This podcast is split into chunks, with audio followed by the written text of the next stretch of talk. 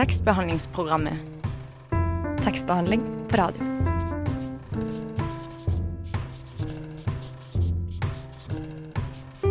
Tekstbehandlingsprogrammet.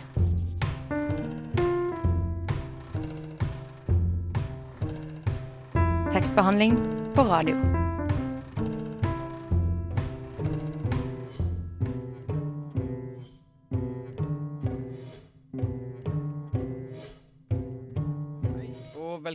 Til tekstbehandlingsprogrammet, Radio Nova sitt eh, litteraturprogram.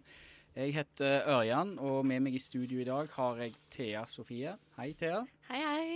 Hei. Ja, eh, dagens episode tenkte jeg skulle handle om vårens ferske bøker. Og i den anledningen så lurer jeg på én ting. Er, Thea, er det noen bøker du gleder deg til i 2017? Eh, ja, hvis vi skal ta det ferskeste av det ferske, holdt jeg på å si, eh, så tenkte jeg å nevne et par debutanter jeg gleder meg til å lese. Og det er eh, Nora Eide med novellesamlinga 'Familien din'. Eh, og så gleder jeg meg til Julie Stangby sin 'Lufte gaupene', Ja. som er en roman, da. Hvorfor, hva er det akkurat disse her to som gjør at du gleder deg til de? Eh, det er jo ikke noe mer enn at de høres morsomme og interessante ut, egentlig. Mm. Den eh, første Jeg er glad i novellesamlinger, og den første høres eh, artig og treffende ut. Ja. Kan vi håpe på, i hvert fall. Hva er det den handler om, vet du det? Ja, familierelasjoner og Ja, mm. Ja, OK. Ja, men det høres veldig bra ut. Ja, fordi som sagt, dagens episode skal jo handle om debutanter. Og med oss i studiet i dag så har vi to helt ferske novelleforfattere. Det er Tobias Nordbø, som har skrevet romanen 'Hasj og høykultur', og Eirik Eikehaug, som har skrevet romanen 'James Franco spytter når han snakker'. Og eh, vi skal høre litt mer fra de seinere, men først så tenkte jeg at vi kunne høre på eh, et innslag. For eh, vårt eh, redaksjonsmedlem Idun har vært ute i Oslo sine gater og hørt om unge ennå faktisk leser bøker. Så la oss høre på det. Unge leser mindre i dag enn før. En undersøkelse viser at andelen unge mellom 16 og 24 som leste i en bok på en gjennomsnittsdag, har gått ned fra 28% i 1991 til 16% i 2015. Jeg mistenker at det er Netflix og HBO som tar mye av tiden. Jeg tok meg turen ut i Oslos gater for å sjekke. Leser dere noen bøker? Eh, Jeg leser bøker når jeg, har, når jeg er på ferie ofte, eller? Enn eh, liksom i hverdagen, for da gjør jeg mer lekser og sånne type ting. Ja. Eh, tror du det er vanlig for folk på deres alder å lese mye? Eh, nei, ikke så mye, for vi har mye å gjøre ellers, så jeg tror kanskje mange prioriterer andre ting enn akkurat å lese bøker. Leser dere noen bøker? Ikke egentlig. Nei, hvorfor ikke? Vanskelig, det er vanskelig å finne bøker som er interessante, syns jeg. Så jeg vet ikke, jeg syns det er vanskelig å finne en bok hvor jeg liksom virkelig vil fortsette å lese. Jeg bare legger den fra meg, og så tar jeg den aldri opp igjen. Det er egentlig det samme med meg. Det eneste jeg har lest noen bok, er hvis på fly eller noe. Det var sånn, sånne små ting innimellom. Ellers så tar jeg aldri opp en bok. Jeg leser veldig mye på stranda. Da leser jeg mye, men bortsett fra det så leser jeg ikke så mye. Leser dere noen bøker? Jeg har nettopp en skoleoppgave, eh, men det må være oppgave på skolen hvis vi skal løpe noen bøker, dessverre. Dere leser bare pensum. Ja, Ja, jeg, jeg leser bøker. Jeg leser Beatles nå. Han er litt bedre på det. Ja, Tror dere det er vanlig for folk på deres alder å lese mye? Nei, eh, det er liksom masse andre ting, da. For oss, det er sånn sosial, eh, sosiale medier og, som tar over litt, da. Og det er sånn, vi er liksom en generasjon hvor de ser mer på TV, liksom, enn å lese bøker. Er det greit at det er sånn? Jeg syns det blir sånn Det blir lite avkobling, da. Hvis det bare skal være input fra nettet hele tida. Heller film enn bok hele tida. En bok er jo mer sånn Du kan sitte og slappe av og kanskje roe nervene litt mer med bok enn film, føler jeg. da. Så det kan være litt dumt at det er veldig mange som ikke leser bøker. da. Leser du noen bøker? Eh, ja, det gjør jeg. Leser mye krim. Eh, jeg leser, prøver å lese hver dag. Eh, ja, jeg elsker å lese så ofte. Tror du det er vanlig for andre på din alder å lese mye? Nei, jeg tror folk leser generelt altfor lite. Jeg tror det er viktig at man leser mer. Det var det jeg fryktet. For å finne ut hva det er som skjer og hva vi kan gjøre, tok jeg meg en tur til min venninne Stine. Hei. Jeg heter Stine Friis Hals. Jeg er 23 år og jeg jobber som kommunikasjonskonsulent i Aschehoug forlag. Det er vanskelig å se hvorfor folk leser mindre, men jeg tipper sjøl at det har med konkurransen. At det er så lett å få tak i god underholdning i dag.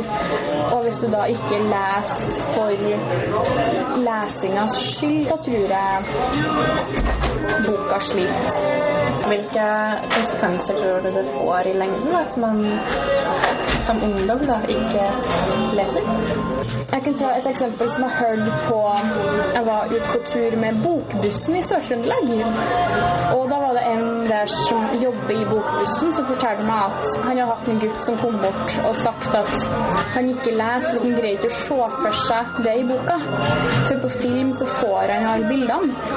Så jeg tror kanskje det kan gå utover vår evne til å se for oss ting, og det å bruke fantasien. fordi at når du bare blir vant til visuelle medier, da, så eh, får du hele tida servert bildene. Og det er sånn som jeg syns er litt trist sjøl, at jeg greier ikke å huske hvordan jeg så for meg eh, Harry Potter-verden fra før filmene kom. Og jeg syns det er en sånn kjip ting å ha mista. Det er litt trist. Og altså hvor mye vi bruker fantasien da, til å se for oss ting og problemløsning. Og hvis du skal bygge deg bokhylle, og det å kunne se for seg hvordan den skal bli, altså sånne små praktiske ting, da, om det kan gå utover det på noe vis, det er en sånn ting som jeg er litt bekymra for sjøl. Eller det at vi ser nå at unger kanskje ikke er så flinke til å finne på ting. Jeg tror det er veldig viktig at unge folk leser, og at man ikke skal tenke så mye på om man bruker ett år på en bok eller to dager. Jeg tror man kan bruke det digitale for å eh, opplyse folk om bøker, og vi må bare fortsette å finne ut hvordan vi kan utnytte sosiale medier eller sånn for å nå tak i folk. Stine er altså positiv til at boka kommer til å bestå. Og for å være ærlig så gjenspeiler det også mye av det jeg fikk høre på Karl Johan. Jeg har jo dessuten mange venner selv som leser, og det er mange unge debutanter i år, helt ned til 18 år. Så for å være ærlig så tror jeg ikke vi trenger å bekymre oss for dette helt enda. Det var bandet Gribbene med sangen 'Løpefart'. Eh, temaet for eh, dagens eh, program er vårens eh, debutanter. Og med meg i studio så har jeg to ferske forfattere. Tobias Nordbø og Erik Eikehaug. Eh, velkommen. Ja, tusen takk. Ja. Eh, jeg kan starte med deg, Tobias. hva, hva bok er det du har med deg? Jeg har med meg Hasj og høykultur, som er min debutroman om Sebastian, en statsvitstuderende Stavanger-fyr som bor i Oslo og eh, bor på Sankthanshaugen, eller i Fredensborg-området. Og eh, har lyst til å leve det gode liv i denne byen her. Han har lyst til å spise litt gode oster, han har lyst til å drikke litt god vin, han har lyst til å gå i fine klær, og, eh, har, men har ikke lyst til å få seg en, en butikkjobb, og da blir han dealer, da.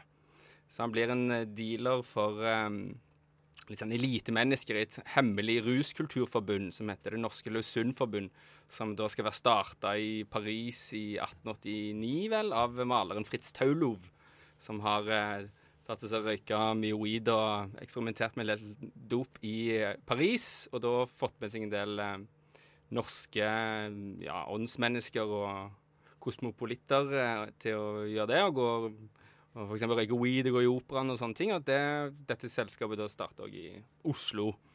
Um, og dette blir da hovedpersonen um, innvikla i, da. Jøss, yes, det hørtes uh, spennende ut. Uh, hva, hva, var det som fikk deg til å skrive denne boka? Hva som inspirerte deg til alt dette her? Um, først hadde jeg tittelen 'Hasjøykultur', og så tenkte jeg uh, Jeg føler norsk litteratur mangler hasjøykultur. Uh, og så tenkte jeg uh, Men det er bare jeg som kan skrive den boken. Og så satte jeg meg ned og skrev den. Jeg, jeg er litteraturviter opprinnelig. Og uh, som alle litteraturvitere så tenker du at du skal gå arbeidsledig etterpå. Så da tenkte jeg at før jeg begynner å ja, går ut i å ha en hel dag til å gjøre hva jeg vil, så begynner jeg å skrive på et eller annet. Og så da begynte jeg å skrive for dette på denne romanen her for to og et halvt år siden. Mm. Og så fikk jeg egentlig jobb med en gang som tekstforfatter. Eh, for sånne TV-programmer og sånn. Og så skrev jeg på en um, på kveldene mine, rett og slett fordi jeg tenkte at uh, har ikke høy, høykulturen etter å komme ut. Så ja. ja. Siden du følte at den måtte ut, er det noe du vil formidle med den? Um, Jeg vil jo si Jeg vil jo um, prøve å beskrive et miljø som jeg eh, kjenner litt til, og som jeg òg Ja, som er stonere, da. Ehm, og jeg tenkte at eh, vi har, det har sånn, I verdenslitteraturen så er det noen sånn skikkelig kule sånn stoner-romaner, og vi har jo Den store revejakten, men jeg følte at Norge mangla en sånn stoner-roman, da. Og nå er det jo en sånn narkodebatt i Norge, og det var jo litt sånn tilfeldig egentlig at min bok kom ut der. Uh, akkurat nå i dette øyeblikk her. Men um, jeg tenkte da at Norge var modent for en ny stoner-roman. Hva, hva er det med stoner-miljøet som er virker så spennende, da? Jeg vet ikke, det er bare jeg, jeg liker litt kulturen, jeg liker musikken, jeg liker hiphopen, jeg liker komedien. Ofte er det mye stonere liksom De er litt humornerder. Jeg har alltid vært litt humornerd. Um, så da er det jo mye å sitte i sofaer og sitte og se på sånn gamle Letterman uh, eller Seinfeld-klipp. Det kan du gjøre liksom i det noen timer. Og det tenkte jeg det er nødt til å ja, bli beskrevet, da. Um, og så um, Nei, så er det òg et miljø som ved at det involverer rus, så er det jo i kontakt med en del større svingninger i samfunnet og um, sånn Vanligvis lovlydige borgere blir plutselig eh, kriminelle. Og um, det er jo en, i seg sjøl en spennende historie, tenkte jeg, da. Mm. Men, men henger du mye i dette stoner-miljøet sjøl, eller? Ja, jeg kjenner til det. Det kan vi Det er det du vil si. Nei, jeg bare kjenner til. det. Jeg kjenner. Ja, OK. Nei, men det høres jo veldig kult ut, det. Er Eh, har, men eh, nå til å begynne med, har du lyst til å lese et lite utdrag fra boka? Ja, jeg kan jo tenke I og med at vi er her på, på Radio Nova, um, og så tenkte jeg at jeg kunne lese et lite utdrag fra romanen min, som da er satt på Det samfunnsvitenskapelige fakultet.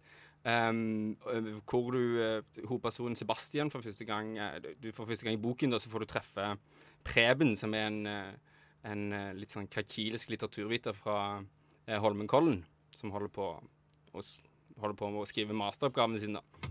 da tenkte jeg jeg kunne lese litt fra, fra det, da. Da jeg tittet opp fra leseplassen min på Det samfunnsvitenskapelige biblioteket i ellevetiden, så jeg Preben vandre mellom leseplassene på jakt etter kjentfolk med store svetteflekker i armhulene, svingende på VM i fotball 1994. Til tross for at han skulle levere masteroppgaven sin om seks uker, var prokrastineringen nær total. Da Preben vanligvis fikk øye på meg i lesesalen, nikket han høflig og beveget seg videre. Men de siste ukene hadde behovet for distraksjon tydeligvis, blitt umulig å undertrykke. Flere ganger var jeg blitt skremt av en stemme som hvisket 'pst' inn i øret mitt, bare for å oppdage Preben bak meg med en light-sigarett i kjeften. Preben hadde holdt foredrag om masteroppgaven sin til meg for noen måneder siden over en boks makrell i tomat. Slik jeg forsto det, skulle oppgaven avdekke et latent fiendskap mellom Dag Solstad og Jon Michelet i de oversette mesterverkene VM i fotball 1982-1998. Tesen var at, de, var at nevrotikeren Dag Solstad hadde følt seg underlegen alfahannen Jon Michelet gjennom hele sin karriere. Viriliteten, dametekket, det kommersielle talentet, den hese røsten, og at VM i fotballserien var de eneste bøkene der denne konflikten kom til overflaten. Preben skulle oppdaget VM i fotballbøkene eh, i en utedasshylle på, sør, en utedasshylle på Sørlandet på hytta til en ekskjæreste og skrøt av å ha tilbrakt mer tid på utedassen enn med jenta. Og da han kom tilbake fra hytteturen overbevist om å ha oppdaget et fiendskap av velhavende wergelandske proporsjoner. I flere måneder virret han rundt på campus med VM i fotballbøkene og en gul tusj, og prøvde å overbevise meg om at masteroppgaven sjalusi og mindreverdighetskomplekser i Dag Solstad og Jon Michelets VM i fotballkvintett potensielt kunne ødelegge Solstads gode renommé. Bare sjekk ut hva Michelet skriver på de side 87 i VM i fotball 1986. Hør her. Dag Solstad med sin ultrakorte tenning begynner å komme med forskjellige erklæringer til politifolkene som vokter inngangen. Eh, igjen takker jeg de høye makter for at de ikke har utstyrt ham med et mer rikholdig vokabular. This goes deep, man. Selv om veilederen var skeptisk, til prosjektet, skulle ikke Preben la seg kue.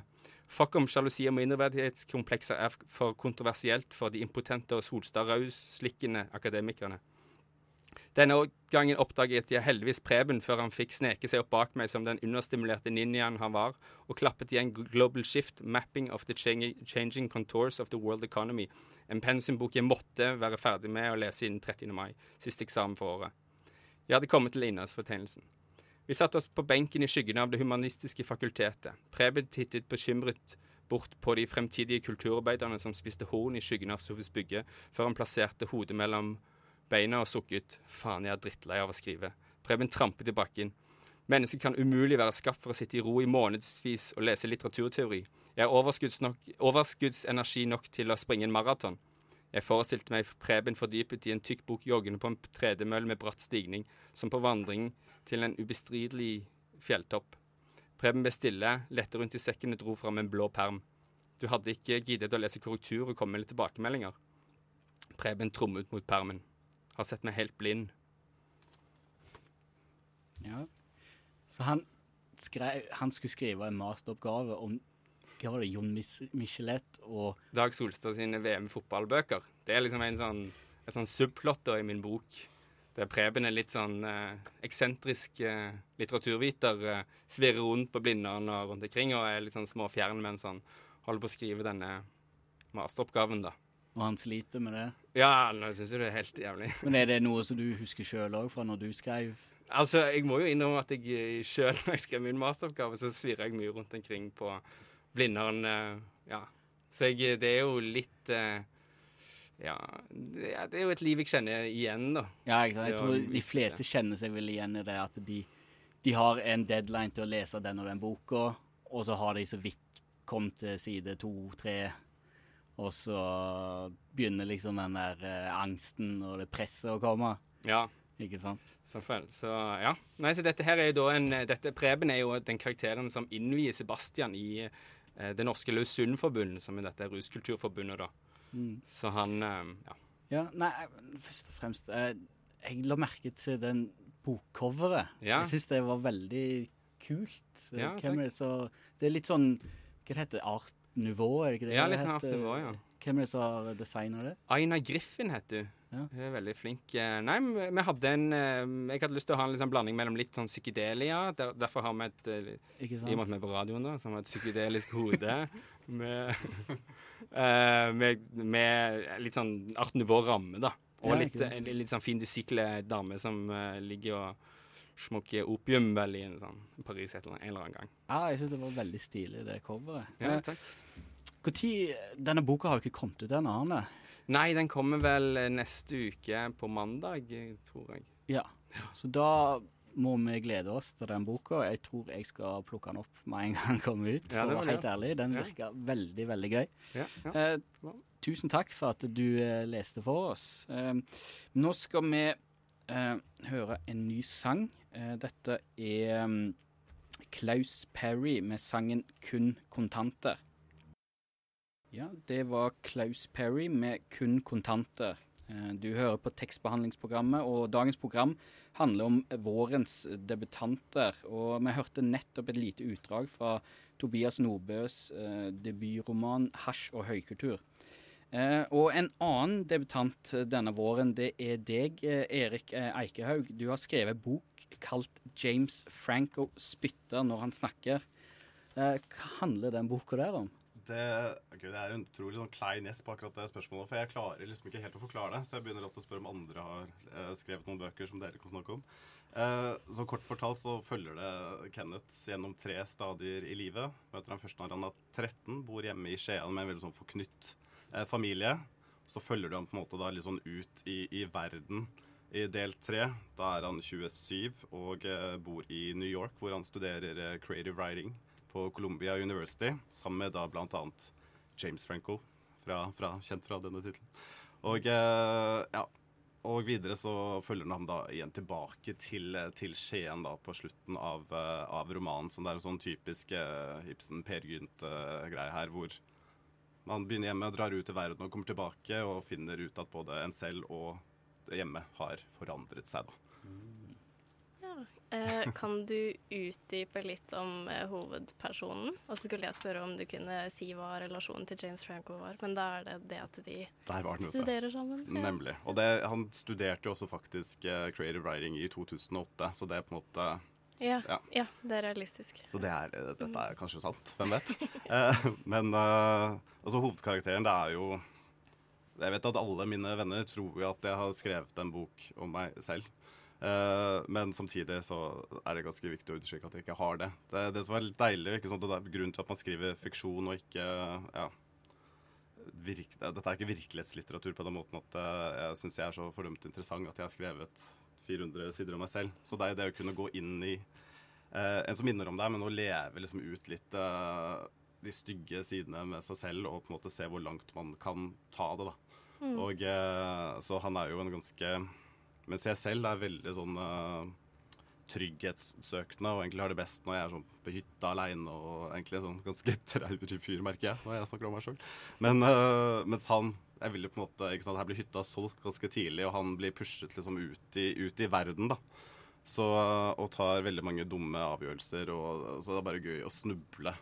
Mm. Eh, sammen med Kenneth ned i kaninhullet, som eh, på en måte er litt av metaforen av det. Han er veldig opptatt av, av Disney- Disney-filmer og sitter jo litt fast. Han er jo en sånn Petter Pan-karakter på mange måter, da, som ikke helt eh, klarer å bli voksen. Og så er det som å gå litt ja, sammen med at han er homofil og på en måte lever litt utenfor den heteronormative ja, levemåten. da. At man kan faktisk, mens mine venner som eh, er barn helt til de får barn selv, og plutselig innser at oi, nå må jeg faktisk ta meg sammen og være voksen. Som homofil så har man på en måte ikke helt den uh, samme ja, kurven da, som man eh, kan dra ut på en eh, lørdag eller en ukedag og drikke seg ganske full eh, på, selv om man er 34 år. Og har liksom ikke noe sånn Ja, så barndommen får liksom lov til å fortsette, da. Så det er jo på en måte litt av hans historie. Mm. En Petter Pan-historie. Ja, ikke sant. Så du, du vil si at tematikken er liksom det å bli voksen, da, eller? Ja, eller det er litt det. Også han har jo sånn, er jo sånn skrive Ja, drømmer også om, om å bli forfatter, da. Ikke sånn, Så betyr jo at man har tilgang til veldig mye fantasi, og når hans egen virkelighet er ganske kjip og traurig, så lever han inn i ja, Flytter inn i fantasien, da. Og det er jo også det som skjer med denne James Franco-karakteren. da, Han er jo en karakter i boka mi. Mm. At han begynner å utvikle sånn merkelige forhold som egentlig kanskje er mer eh, i hodet hans enn det er i, i virkeligheten, da. Og så er det på en måte hans vei ut av sitt eget lille private Neverland i hodet og begynner å liksom knytte seg til, til virkelige mennesker da, som han møter i, Mm. i New York. liksom Når han finner den, ja, den familien man, han finner selv. da. Mm. Så det er hans ja, vei ut av Neverland. Men eh, du nevnte tidligere det at um, mange trodde at dette her var din historie, på en måte, eller at det var liksom en sånn selvbiografi, men eh, for, Spørsmålet er liksom hva, hvor mye er det som er selvbiografisk, eller liksom hvor mye av deg sjøl tror du er i denne karakteren?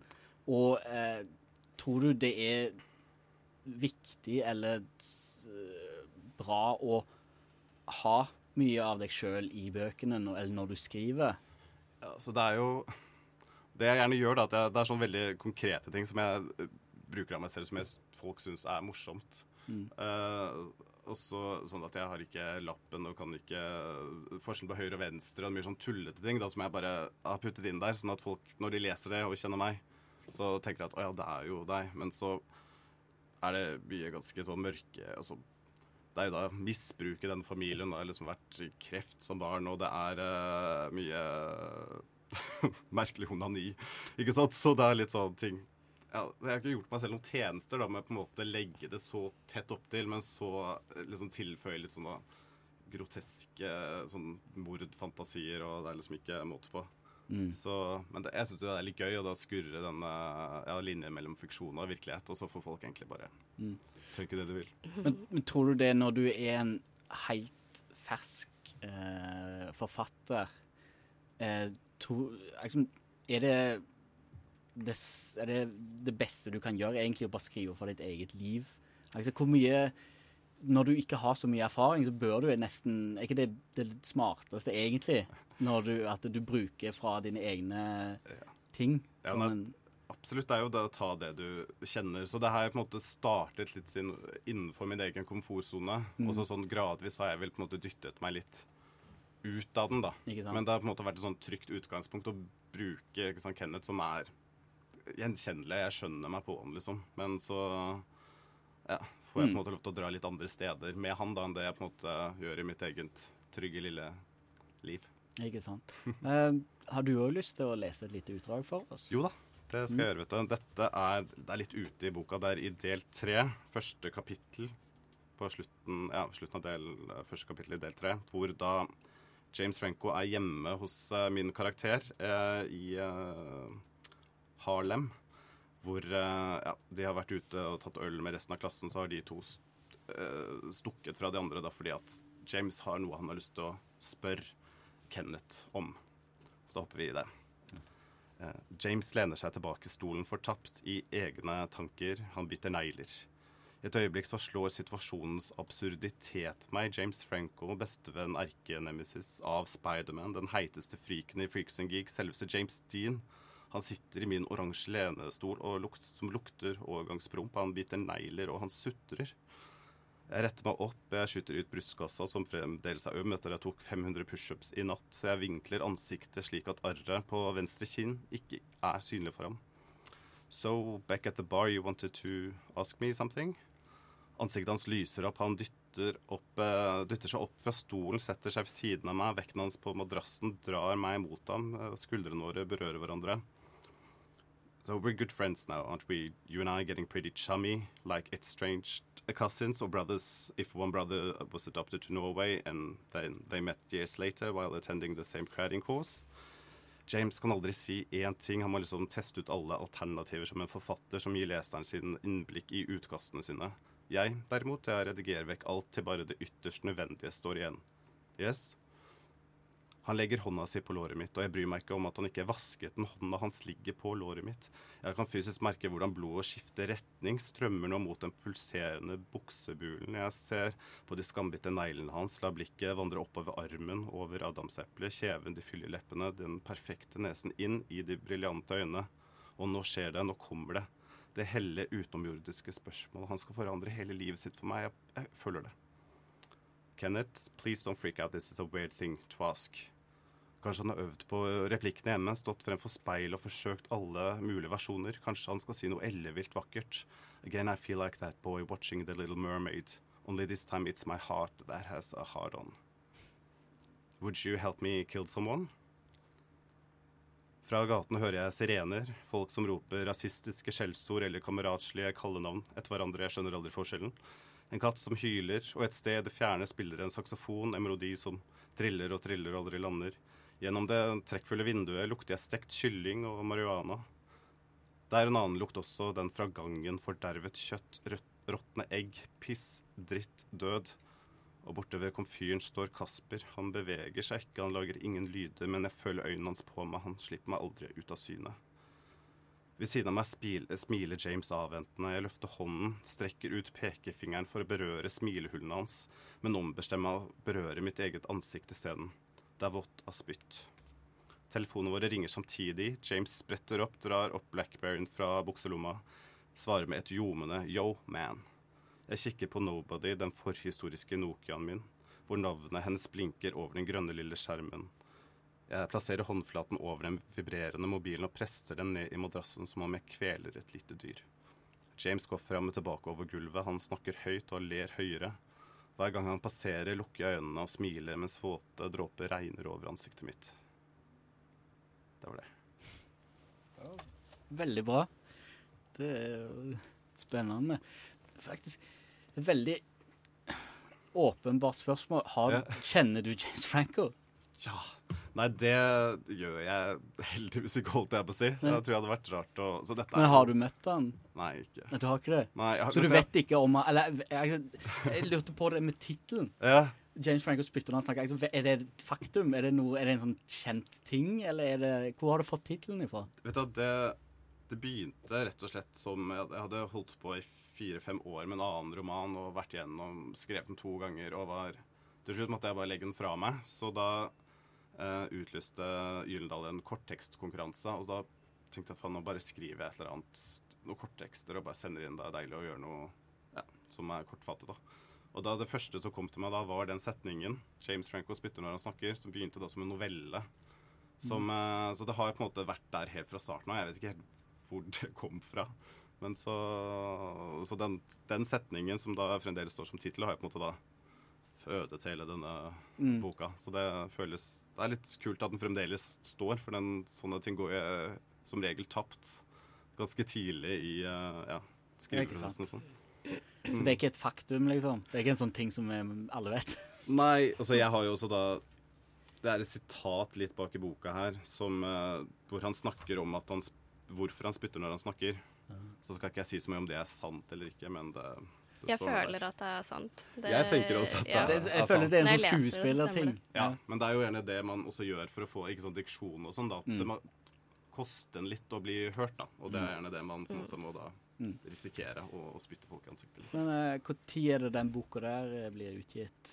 Den uh, lanseres nå på fredag, faktisk. Oh, ja. Så den, uh, så den er flere venner som har fått tak i en uh, sånn arks klikk og hent. Så det, så det er jo gøy at jeg plutselig får sånne meldinger av folk som har boka i hånda. Det Og de har, og de har fått den allerede, ja? Ja. ja. Ja, men da så. Det er stas. Da er det bare å gå ut og klikke og det hente. er det. yes.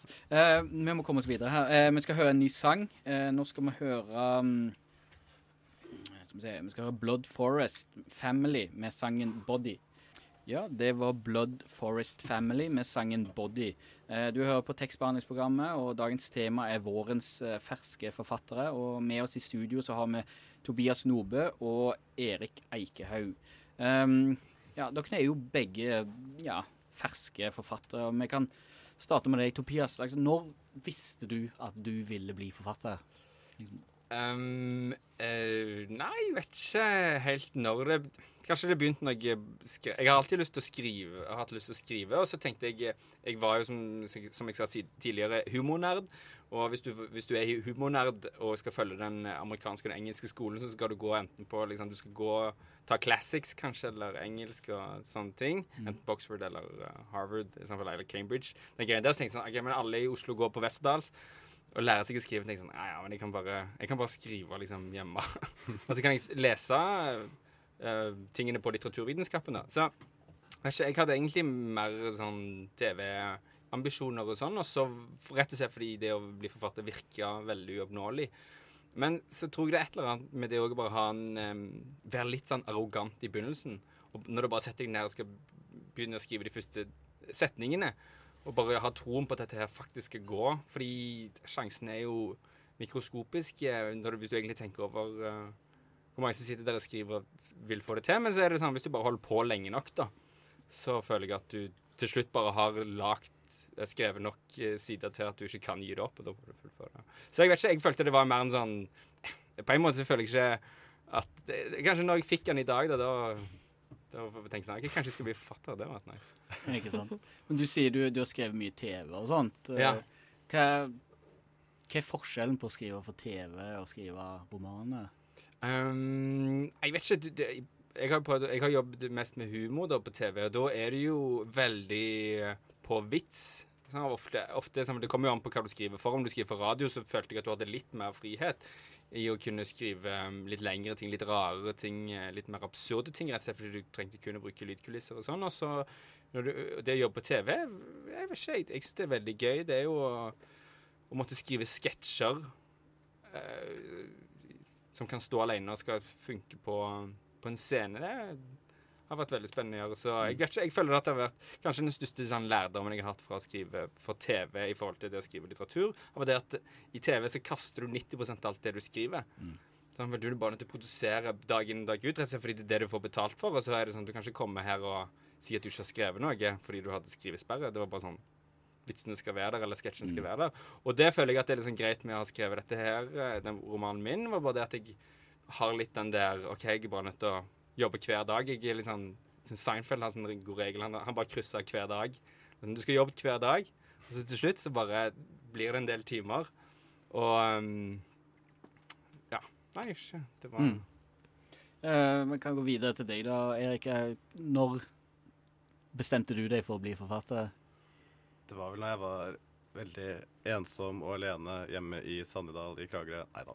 Eller det var kanskje litt mer sånt enn det det skulle være. Men øh, det var rett og slett ikke så mye å gjøre der jeg kom fra. Så sant, hvis man ikke sparka fotball eller likte å henge utenfor i bensinstasjon, så var det liksom ikke all verdens å gjøre. Så da hadde jeg på en måte et eller annet oppi her som, jeg, ja, som ga meg mer. da, Så jeg begynte å skrive. Så jeg er veldig hekta når jeg gikk sånn på ungdomsskolen. Så var jeg liksom besatt av sånn Skrik alle de uh, filmene der. sånn, Så jeg begynte å skrive mine egne sånne horrorstorier med masse drap og herlige greier. Eh, så det var bare det å Det at man kunne gjenskape de tingene uh, og sette det på en måte inn i en sånn personlig setting, liksom At man kunne ja, skrive liksom en slasher-historie satt på min ungdomsskole. Det ga meg veldig mange morsomme kvelder alene på gutterommet.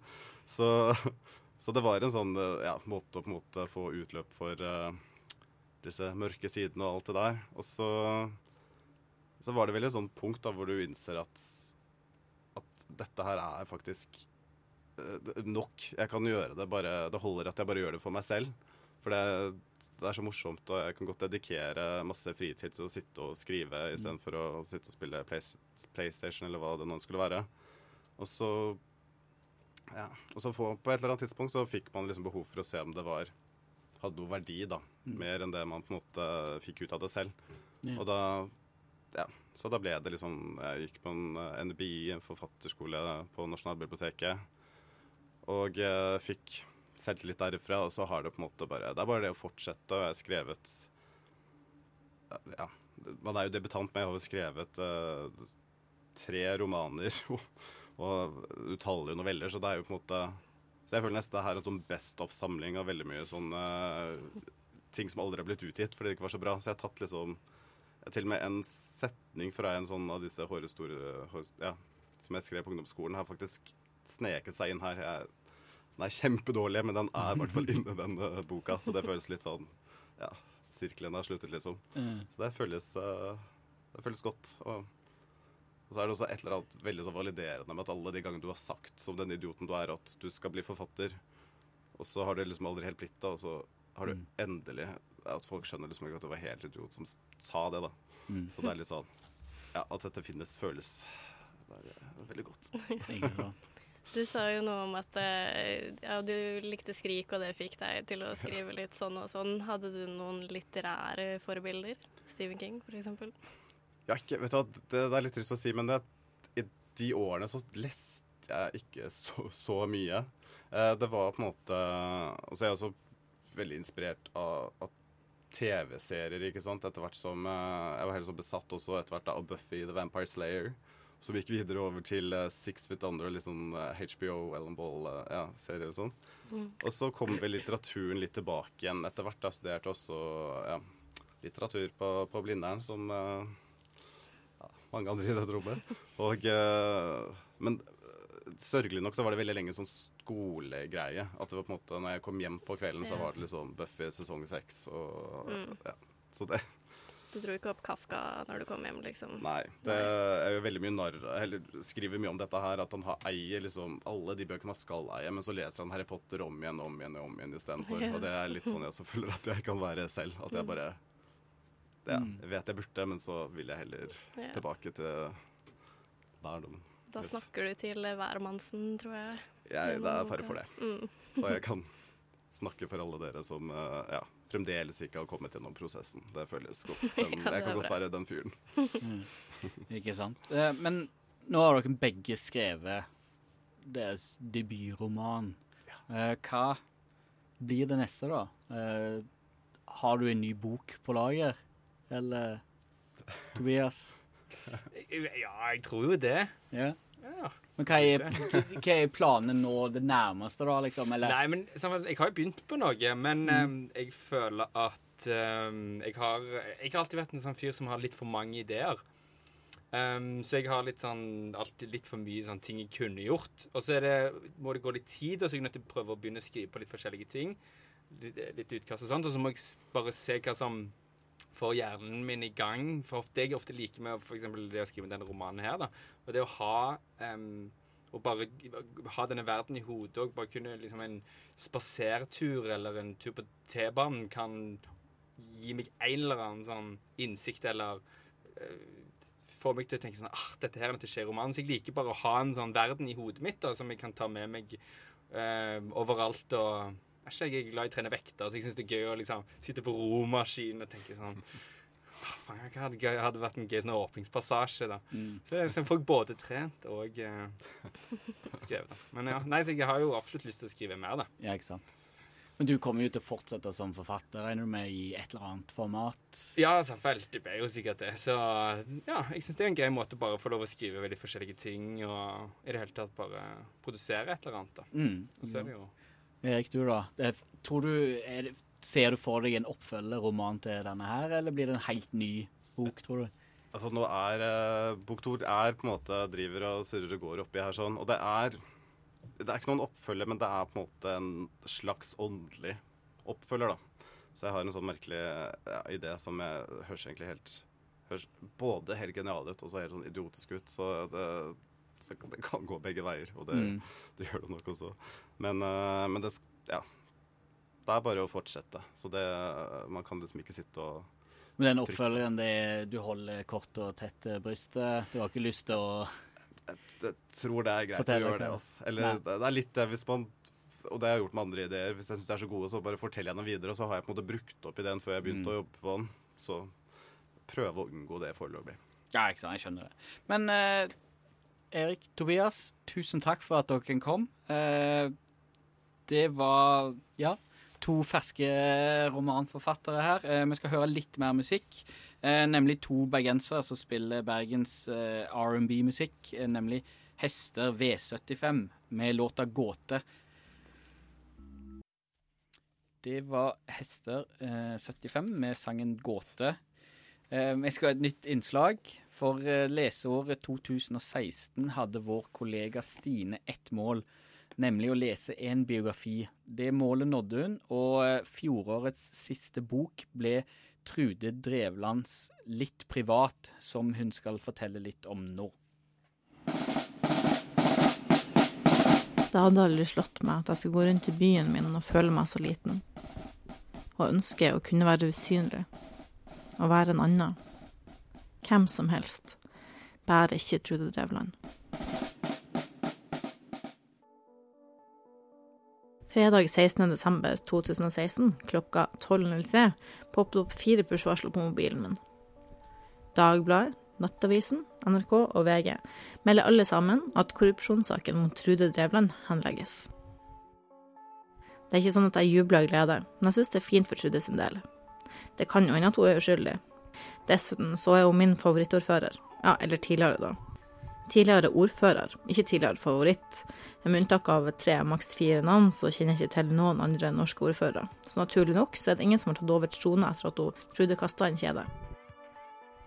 Egentlig så må jeg innrømme at jeg vet ikke så mye om hvordan Trude er som politiker, eller hvordan politikken hennes i Bergen var. Det vil si, etter å ha lest den boka litt privat, så vet jeg litt mer. Men uansett så har jeg alltid likt henne, og ikke bare for at hun er fra Vesterålen, samme region som meg. Knappe to timer og syv minutter unna mitt hjemsted, så finner du hennes. Det er 141 km for de av dere som ikke er fra Nord-Norge, og derfor ikke måler avstand i tid. Det er knapt et steinkast. Melbu, plassen hun trodde kommer fra, ligger dessuten kun et kvarter unna plassen jeg ble født, og senere gikk på videregående. Men nok om avstand. For i tillegg så minner hun Trude meg om dama med lirekasse og blå øyenskygge som var med i NRK-serien Eldrebølgen i 2003.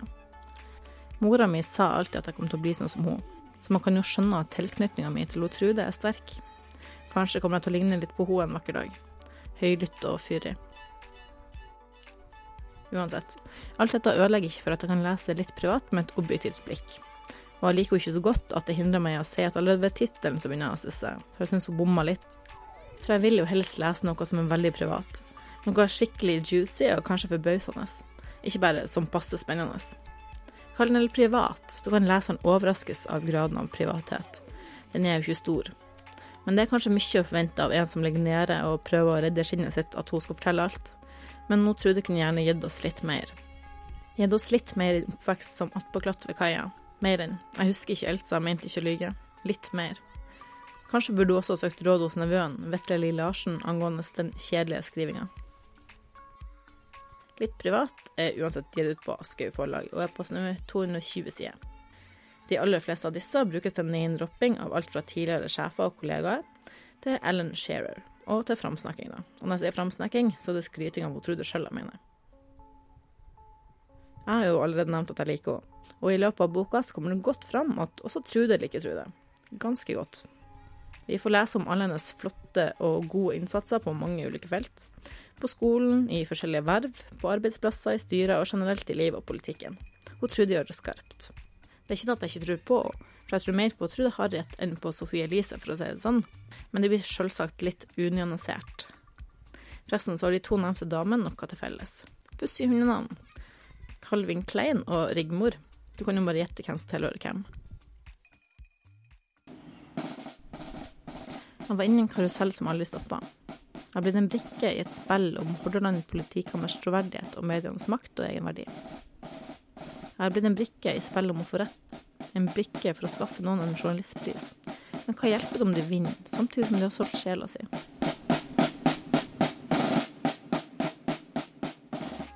Litt privat har utvilsomt fokus på historie og budskap, ikke på språk.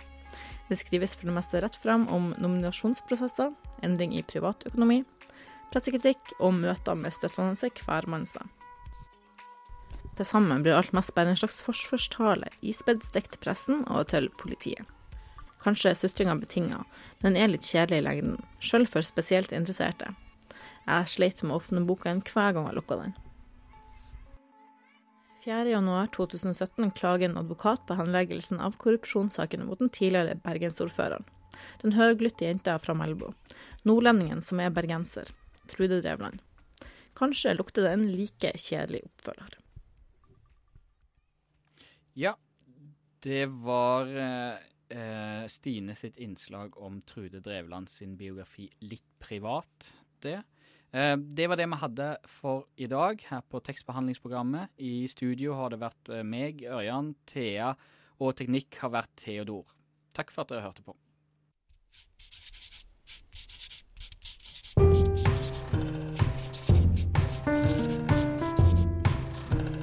Tekstbehandlingsprogrammet.